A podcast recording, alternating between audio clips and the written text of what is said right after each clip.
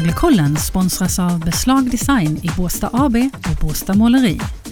Rögle-Frölunda, ja det kunde varit en SM-final faktiskt och kvaliteten på måndagskvällen i Catena Arena, den höll hög klass. Dessvärre så vann Frölunda. Röglekollen är här igen på Radio Båstad. Häng med oss!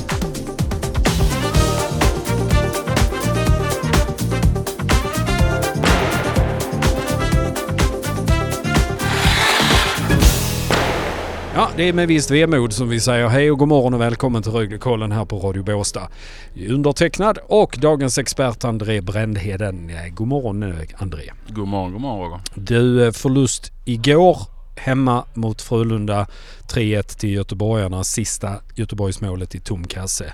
Det var nära men det blev ingenting för Rögle. En fantastiskt bra hockeymatch skulle jag vilja säga. Ja, jag håller med dig. Det var en eh, SM-finalmatch kändes det som. Ja, det höll den ja, kvaliteten. Det höll den klassen. Det var eh, otroligt bra fart. Eh, väldigt fysiskt spel. Två lag som inte tycker om varandra längre. Har man märkt. Man har byggt upp någon typ av rivalitet här de senaste åren. Som, eh, man, eh, som ganska tydligt syns på banan.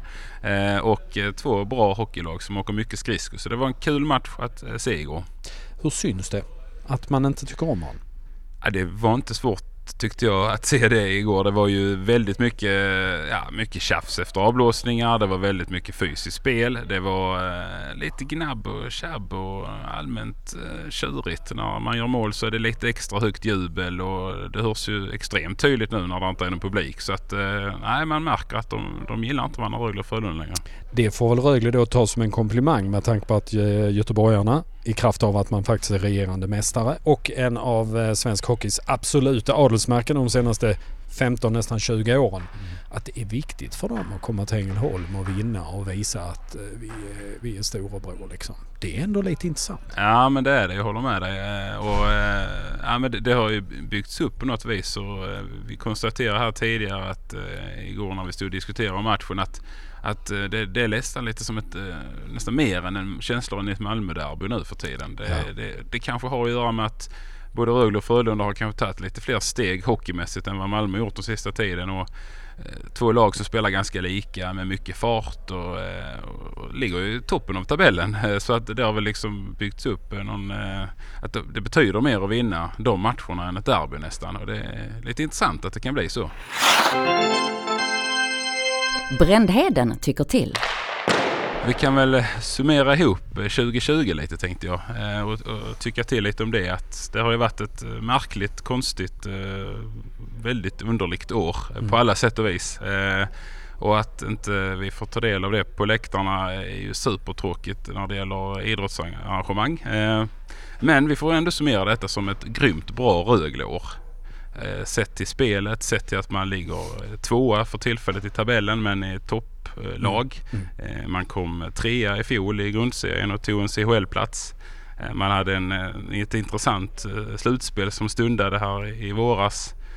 Och man är ännu bättre i år faktiskt. Ja, det är det otroligt men så är det. Ja det är så och det känns ju egentligen fantastiskt att stå och säga det. Att man är bättre än i fjol och då var man riktigt bra. Är 2020 det bästa Rögle har presterat i modern tid? Det tycker jag. Mm. nu är jag ju inte lastgammal. Även om jag känner mig som det. Men jag tycker absolut att det är det bästa Rögle har presterat. framförallt jämnheten i att prestera så, på så hög nivå i så många matcher. Det, det har man inte sett innan i den här föreningen.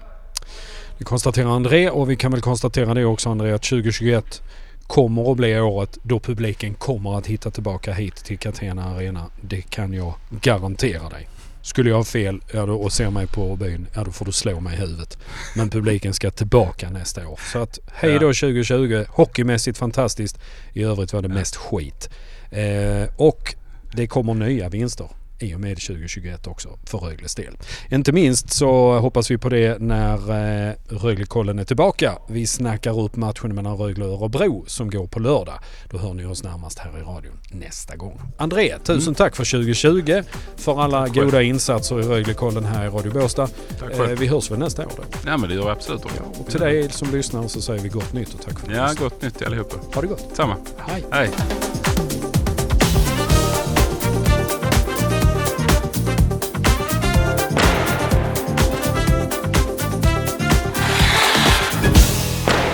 Du har hört Röglekollen som gjordes i samarbete med Båstad Måleri och Beslag Design i Båstad AB.